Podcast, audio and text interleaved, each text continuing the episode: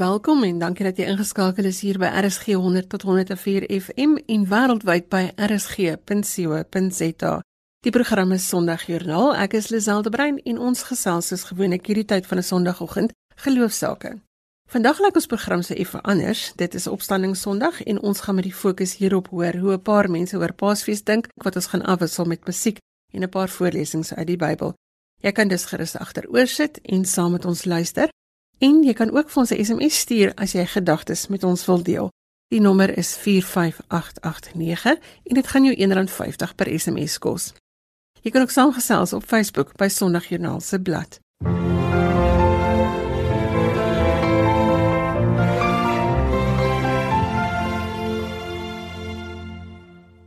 My weg te spring, het ek vir Dominelis Jansen van Rensburg, die moderator van die NG Kerk se algemene sinode gevra hoe hy oor Paasfees dink. Paasfees is die hoogtepunt van ons kerkjaar. Dit is net 'n eenvoudige, absolute wonderlike dag in die kerkjaar omdat ons op hierdie dag die opstanding van Christus vier. En natuurlik het dit 'n oneindige betekenis vir ons almal se bestaan, vir ons lewe, die feit dat Christus die dood oorwin het. Die werklikheid is dat hy die dood oorwin het en dat hy by ons is, dat hy teenwoordig is uh, by ons. En dit verander alles. Die feit dat ons 'n toekomsvisie het wat tot ander kant die graf strek, um, hoe min ons ook al weet van die lewe ander kant die graf, die sekerheid dat ons 'n lewe het, um, ander kant die dood, uh, deur sy opstanding. Dit maak ons totale lewe anders. Nou die wonder daarvan is is dat hy vir ons veral geleer het om te leef die kant van die graf en uh, dat ons in Paasfees nie net vorentoe kyk nie, maar ook kyk na die lewe met hom, die lewende opgestaane Here Jesus die kant van die graf. Die feit dat ons glo in 'n lewe aan die kant die graf beteken nie dat ons hierdie lewe abdikeer nie. Inteendeel, dit beteken dat uh, die werklikheid van ons burgerskap van die toekomstige bedeling wat reeds deur Christus gevestig is, ons werklikheid nou al reeds geweldig beïnvloed. Ons is hemelburgers wat in die huidige werklikheid reeds leef. En dit verander ons totale bestaan. In navolging van Jesus uh, doen ons nou dinge rig ons tekens op van die toekomstige bedeling. Is ons eintlik die hele tyd besig om die identiteit van 'n toekomstige hemeling, die hemelburger reeds nou al uit te leef. En dit doen ons deur ons liefde en ons omgee en ons versorging van mekaar in die praktiese werklikheid van elke dag is ons anders. Ons is uh, verander deur die werklikheid van Christus se opstanding.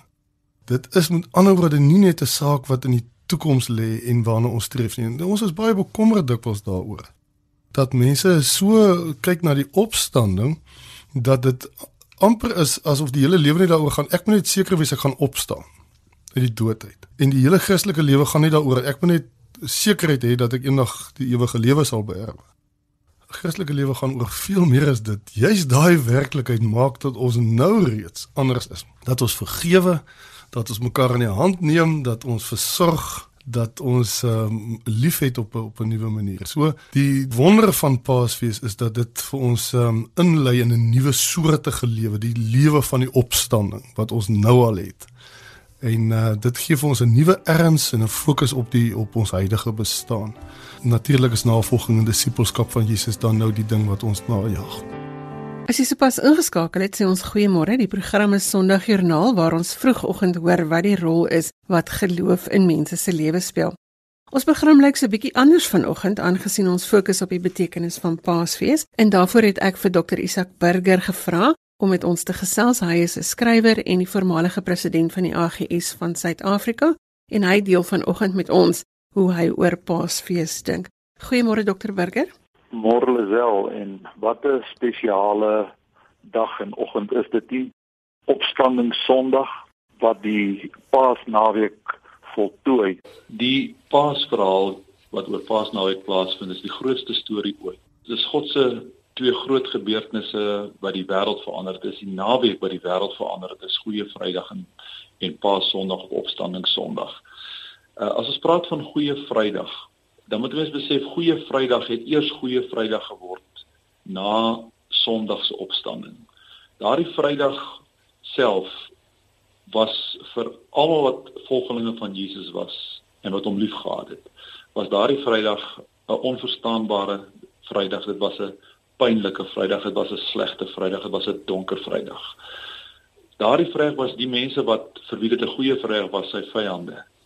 Die owerpriesters, die fariseërs, die volk wat opgesweep was wat hom wou uitskakel wat hom elimineer. Toe Jesus sterf aan die kruis, was dit vir hulle 'n goeie Vrydag want hulle vyand wat hulle eie mandaat bedreig het, was dood. Vir sy volgelinge was dit 'n slegte Vrydag. Maar as ek sê eers na die Sondagmôre en sy opstanding bekend geword het en homself openbaar aan sy volgelinge, het dit vir hulle en vir ons tot vandag toe 'n goeie Vrydag geword.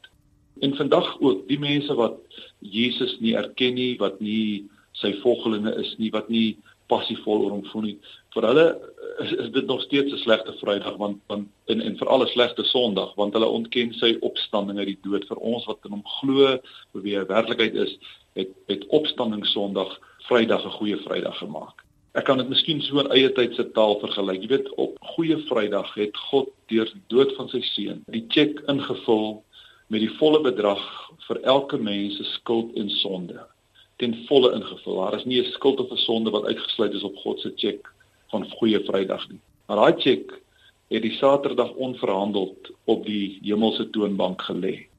En is eers die Sondag onderteken, want die opstanding van Jesus is eintlik die ondertekening van die tjek van ons verlossing.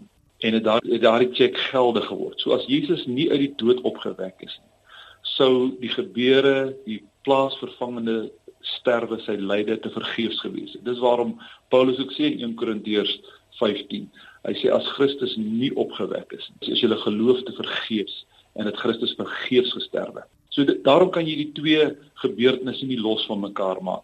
Goeie Vrydag en Opstandings Sondag, want Opstandings Sondag het die dood van Jesus en sy verlossingswerk ten volle bekragtig, dit verseël en daarom kan almal van ons na die Sondag kan ons juig uh, omdat 'n uh, Paasnaweek vir ons 'n wonderlike naweek is. Miskien net 'n woordjie oor die Saterdag want daar word baie min gepraat oor die Saterdag. Selfs die Bybel het net twee skramse verwysing na daardie Saterdag, daardie Sabbat waar Jesus se liggaam koud en leweloos in die graf gelê het.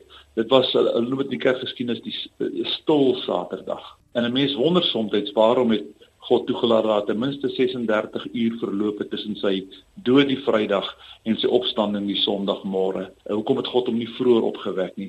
Daar het sekerlik dinge gebeur in die geestesdimensie. Ons lees dat Jesus se gees wel na die paradys toe gegaan het want ons, hy sê vir die rower aan die kruis vandag sê hy saam in die paradys wees.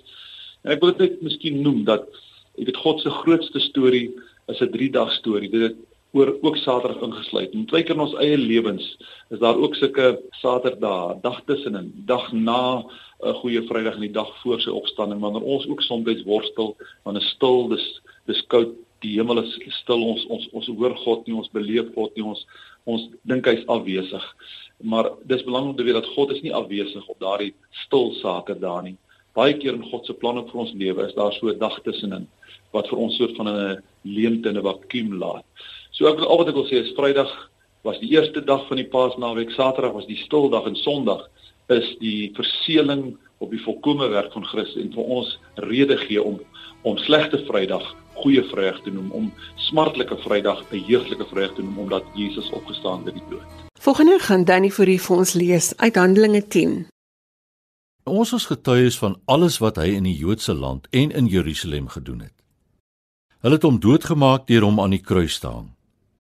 Maar God het hom op die 3de dag uit die dood opgewek en hom laat verskyn nie aan die hele volk nie, maar net aan ons vir wie God reeds gekies het om getuies daarvan te wees. Ons wat na sy opstanding uit die dood saam met hom geëet en gedrink het. Hy het ons opdrag gegee om aan die volk te verkondig en te bevestig dat dit hy is wat deur God aangestel is as regter oor lewendes en dooies. Van hom getuig al die profete dat elkeen wat aan hom glo, vergifnis van sondes deur sy naam ontvang. Dr Donald Katz is die voormalige moderator van die Volkskerk in Afrika en so gesels hy oor Paasfees. Paasfees uh, vir my vorm die hoeksteen en uh, die fondasie eintlik van ons Christelike godsdienstige belewenis. Veral in 'n tyd van politieke onsekerheid, uh, sosio-ekonomiese druk en die ongelykheid, die uitdagings van maatskaplike en morele kwessies. Dink ek die betekenis van Paasfees lê daarin dat dit vir ons 'n uh, boodskap van hoop bring en dit verseker eintlik vir ons dat die huidige wêreld met sy heersers en die probleme wat ons tans ervaar nie die laaste sê oor ons lewe en lewens bestaan het nie. Daar is meer, beter, mooier, voller en glorieryker uh, as die wêreld waarin ons tans uh, leef as gelowiges. Ek dink die betekenis van Pasen lê verder daarin dat dit my as Christen mens herinner en in 'n groot mate inspireer om waardes of deugdes soos naaste liefde, offervaardigheid en diensbaarheid dat dit eintlik betekenis aan ons lewe gee. En ek dink dit kan ons help om gefokus te bly en ons vreedsame saambestaan uh, met die oortuiging en moed aan te pak. En ek dink die grootste betekenis in Paasfees vind ek in die omarmende liefde van God vir alle mense, veral randfiguur mense. Paase ten laaste dink ek demonstreer eintlik die menslike kant of die menslikheid van God. Ek dink as ons die kerntekenis van Paase ter harte neem dat God ons so liefgehad het dat hy sy seun gegee het om vir ons verlossing van sonde te verseker. Ons die vermoë beskik het deur die krag van die Heilige Gees om te kan vergewe, liefde kan hê en die ander persoon eers te stel, dan dink ek sal ek vir Suid-Afrika sal sê as ons uh kan konsentreer om dit wat Paase ons aan herinner, soos die waardes van van naaste liefde, offervaardigheid, diensbaarheid en vergifnis, dat uh, dit die boodskap vir Suid-Afrika sal wees. Goeiemôre hier vanuit Kaapstad. Jy luister na Sondagjoernaal en ons fokus op inspirasie. Geloofsinspirasie, maar ook dankbaarheidsinspirasie. Ons is almal in afsondering wat beteken dat ons nou tyd het om ons dankbaarheidsnotas te maak of in ons dankbaarheidsjoernale te skryf en hier is dan nou ook 'n goeie tyd om vir ons te laat weet waarvoor dit is waarvoor jy dankbaar is. So as jy 'n dankbaarheidstorie het of 'n geloofstorie wat jy met ons wil deel, kan jy vir my e-pos. My e-posadres is lazel@wwmedia.co.za. Dalk is jy saam met ons dankbaar dat jy vanoggend saam met ons kon wakker word of al is jy alleen en afgesonder dat jy ook met ons kan deel waarvoor jy dankbaar is. Iets wat vir jou nuwe betekenis gekry het in hierdie tyd. Stuur vir ons 'n SMS. Die SMS nommer is 45889. Dominic Botha van die Baptiste Kerk deel met ons hoe hy oor Paasfees dink. Dis 'n baie lekker onderwerp en 'n uh, baie belangrike fees of 'n gedenkwaardigheid vir gelowiges, vir disippels van Jesus. En die gevoel is, ek dink dit is belangrik om herinner te wees konstant, nie net eenmal 'n een jaar by Paasfees nie, maar uh, Jesus het ook gesê so dikwels as wat jy die geleentheid het, vier nagmaal en by die nagmaal vier ons die kruisdood van Jesus Christus en uiteindelik natuurlik ook die opstanding, net die nuwe lewe wat daaruit voortvloei. Maar die belangrikheid van Paasfees dink ek kan 'n ou nie genoeg onderstreep nie, want dit het te doen in 'n filosofiese kant met moraliteit en die hele probleem wat die mens rondom dit het. En 'n geestelike en teologiese kant het ons te doen met hierdie groot probleem dat die mens uh, nie kan konnekteer uh, met God nie. Kan nie 'n verhouding staan met God nie. Daar's hierdie toestand tussen die mens en God. Die mens probeer uh, jy weet vreeslik graag reg wees met God en in 'n regte verhouding met God kom. Daar's iets binne in jou wat weet dat jy skiet tekort, dat's dat's fout, dat's groot fout. Nou die Bybel sê wat hierdie toestand en wat hierdie groot fout is, God verduidelik self in Jesaja en sê my oor is nie te doof om te hoor nie, my arm is nie te kort om julle te help nie, maar julle ongeregtighede, julle sonde is 'n skeidsmuur tussen julle en my. Nou reg deur die eeue het die mens natuurlik probeer dan nou om op 'n manier hierdie saak te korrigeer wat natuurlik absoluut onmoontlik is, nê. Nog 'n wonderlike verduideliking wat ons in die skrif kry. Ek dink nou sommer aan Efesiërs 2 waar Paulus verduidelik, maar ons is van nature kinders van ongehoorsaamheid en ons is van nature kinders van die toorn. So daar's 'n natuur binne in ons, daar's 'n krag, 'n mag, daar's 'n klomp dinge wat werk om te verseker dat ons teen God rebelleer en dat ons in hierdie in hierdie sonde staan. En uh ons het nou in die Ou Testament het jy te doen met wette. Ons het die 10 gebooie in Eksodus 19 en 20. Ons het Moses se 613 wette en jy weet daar's baie riglyne om die mens te rig, maar dis meestal net uh, die Engelse praat van jy tweak jou gedrag. Ek jy weet jy, jy dis 'n uiterlike uh, probeer herstel om meer aanvaarbaar en meer korrek of meer in die waarheid te lewe en en met hierdie groot probleem van sonde wat almal plaag uit die weg te ruim. Maar die probleem is dit is uiterlik. Dis net uiterlik. Ons kan nie uh, ons kan nie met hierdie binne probleem kan ons nie klaar speel nie. Ons het nie 'n antwoord daarvoor nie.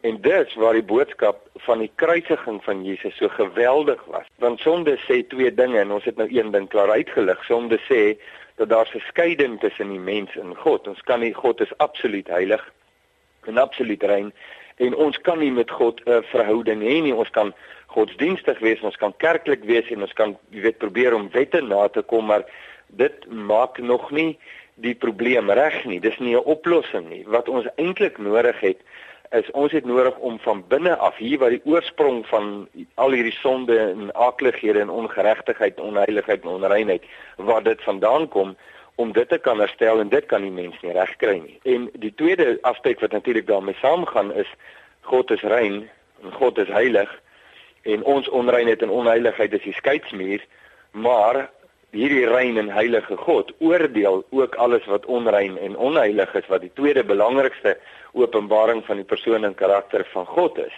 So nie net het ons nie 'n verhouding met God nie, maar ons het ook 'n aakligheid om na uit te sien en dit is dat hierdie toestand van ons gaan die gramskap van God uh, op die hel sal en uh, dis 'n aaklige situasie en ons weet dit nie net is ons nou verwyder van God nie, maar ons het die belofte om vir ewig van God verwyder te wees.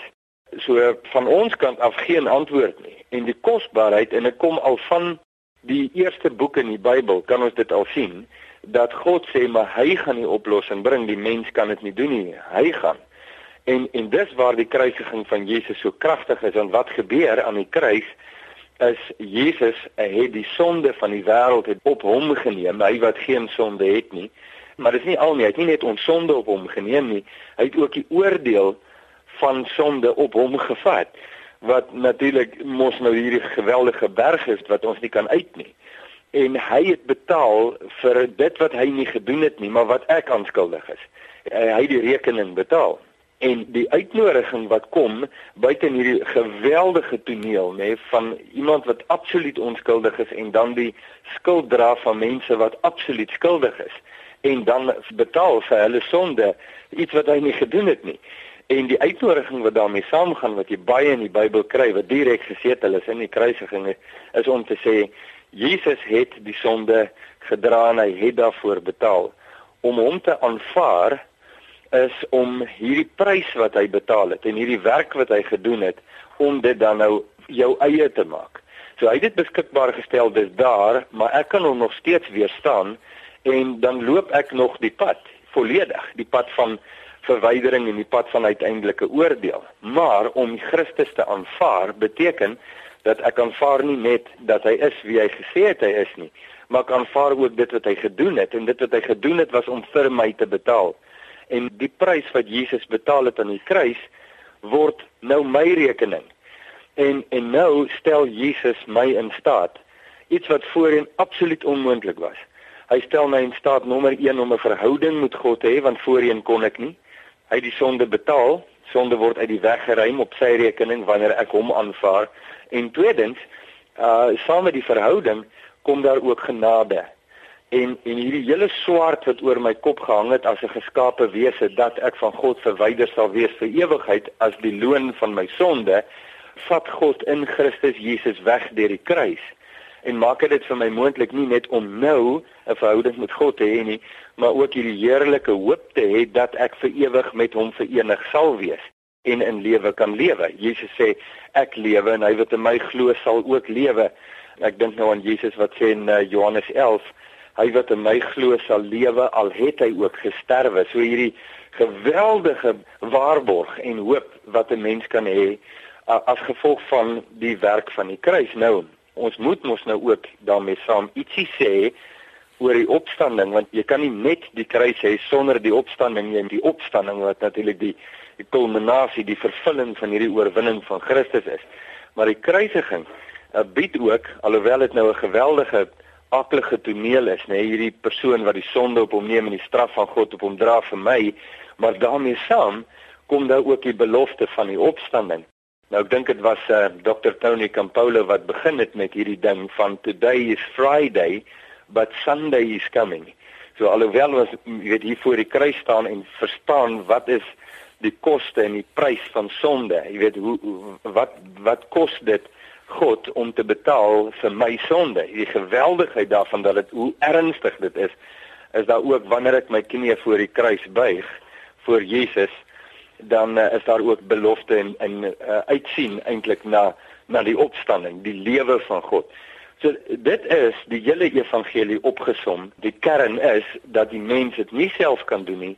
Hy het al probeer, hy faal liderlik en hy sal altyd faal, maar dat God gekom het en dit vir my gedoen het al wat ek hoef te doen is ek moet dit aanvaar en dis die krisis. Uh Lisel miskien laastens die krisis is uh Jesus word aan almal voorgehou en die mens kan kies of hy Jesus wil aanvaar en of hy hom wil verwerp. Uh, ondanks die werk wat Jesus gedoen het, nê? Nee? En dit wie hy is. Die mens kan nog steeds besluit ek wil dit hê of nee ek wil dit nie hê nie. Vir die mense wat dit aanvaar, is daar hierdie geweldige lewe en verhouding en lieflikheid en deel te wees van God se koninkryk. Vir die mense wat dit verwerp, sê dan hulle wil nie die prys betaal hê vir hulle nie. Hulle wil nie in 'n verhouding met God staan nie en hulle wil nie die ewigheid saam met God wees nie. sien, dis die implikasie en dit maak die evangelie so ernstig. Is nie iets wat ons sommer net mee omgaan nie. Jy weet, dis nie iets ligtelik nie. Dis nie net 'n uh, filosofie nie. Dis ehm um, dis die opsomming van die lewe en dis 'n dis 'n saak van lewe en dood baie ernstig. Dis hoekom hierdie feestyd so kosbaar is.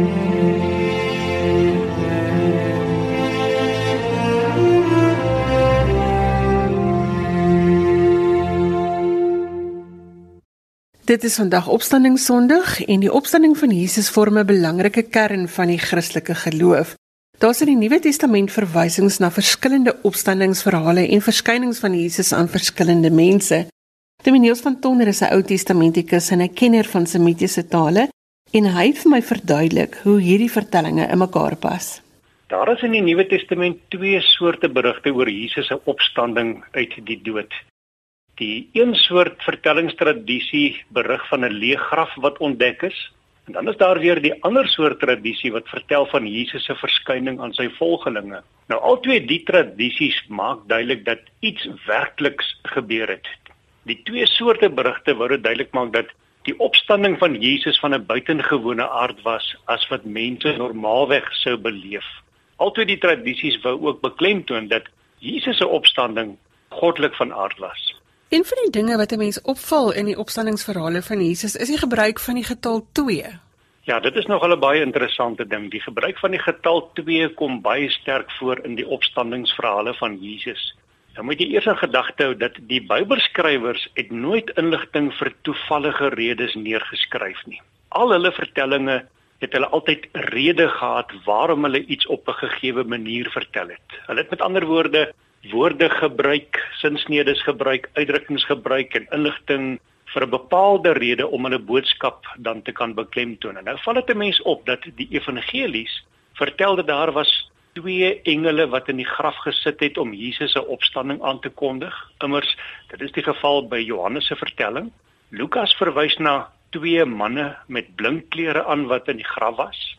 Volgens Matteus was daar twee vroue, Maria Magdalena en die ander Maria wat eerste die leë graf ontdek het. Markus het 'n derde vrou se naam bygevoeg, naamlik Salome, wat saam na die graf gegaan het om Jesus se liggaam te gaan balsem. En met Jesus se verskyning aan sy disippels by die see van Tiberias was daar Simon Petrus en Thomas, Nathanael, die twee seuns van Zebedeus en dan staan daar iets baie interessant. Daar was nog twee ander disippels, maar die twee disippels se name word nie genoem nie. En op die pad na Emmaus was daar twee reisigers aan wie Jesus verskyn het. Daar word doelbewus word daar twee gebruik om die verhaal te kan vertel van die opstanding van Jesus. So is daar 'n rede waarom die getal 2 so pertinent gebruik word. 2 is die getal wat nodig was om getuienis te lewer. Volgens die wet van Moses was 2 of 3 die minimum getuies wat nodig was om die waarheid van 'n saak te bewys. In die regstelsel van destyds was 2 ook as die norm erken waar volgens getuienis as die waarheid aanvaar was. Wanneer die evangelieskrywers oor die opstanding getuig, gebruik hulle die getal in hulle verhale om daarmee te bevestig dat hulle die waarheid praat. Daarmee wil hulle beklemtoon dat die teenwoordigheid van twee engele 'n getuienis vanuit die hemel is dat Jesus waarlik opgestaan het. Die twee vroue en die twee disippels se teenwoordigheid het ook oor die waarheid getuig, maar dit daardie getuienis kom vanuit die binnekring van die disippels met ander woorde.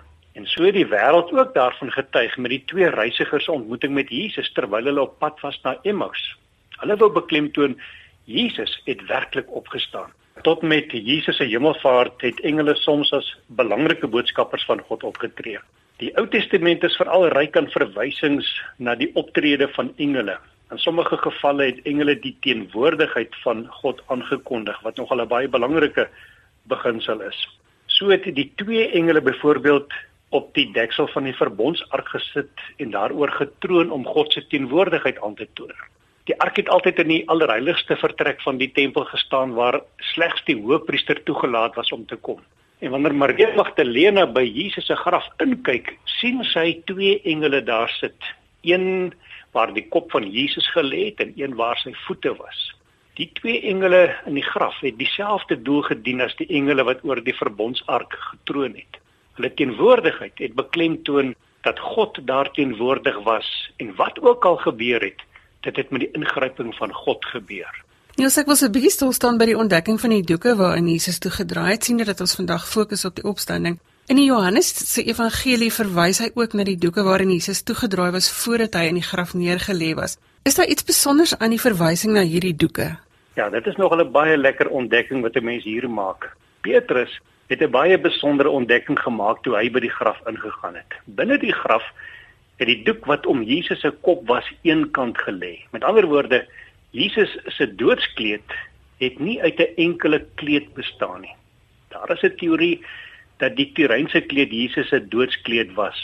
Nou rondom die Turynse kleed is daar baie probleme, maar een van die probleme was nog altyd dat die Turynse kleed 'n enkele kleed was terwyl die Johannes Evangelie dit duidelik stel dat die doek waarmee Jesus se gesig toegedraai was nie by die ander doeke gelê het nie, maar eenkant afsonderlik gelê het en opgerol was. Nou, interessant is dat nie een van die ander evangelies hiervan melding maak nie. Net Johannes verwys daarna. Inteendeel, hy het 'n hele vers bestee aan die vertelling daarvan en om 'n baie goeie rede ook. Die verwysing na die kopdoek van Jesus wat eenkant opgevou gelê het, het 'n belangrike boodskap vertel oor die opstanding van Jesus. Wat sou die opgevoude kopdoek beteken? Ons het geen aanduiding dat Jesus sy kopdoek opgevou het nie. Wat wel belangrik is, is dat daar nogal 'n baie belangrike betekenis opgesluit lê in die feit dat Jesus se kopdoek opgevou was. As 'n mens die betekenis van die opgevoude kopdoek wil snap, moet ons eers verstaan waar die gebruik daarvan vandaan kom. En die gebruik spruit uit 'n baie ou Joodse tafeletiket.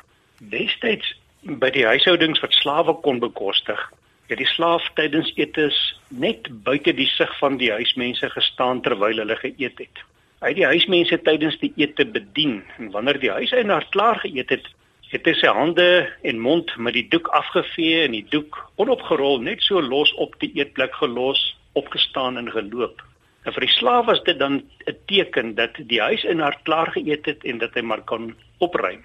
As die eienaar egter nog nie klaar geëet het nie en sy eetplek vir een of ander rede se verlaat, byvoorbeeld as hy badkamer toe wou gaan maar weer sou terugkom, het hy die doek opgevou en dit by sy eetplek gelos. Vir die slaaf was dit dan 'n aanduiding dat die eienaar nog nie klaar is nie en dat hy weer gaan terugkom.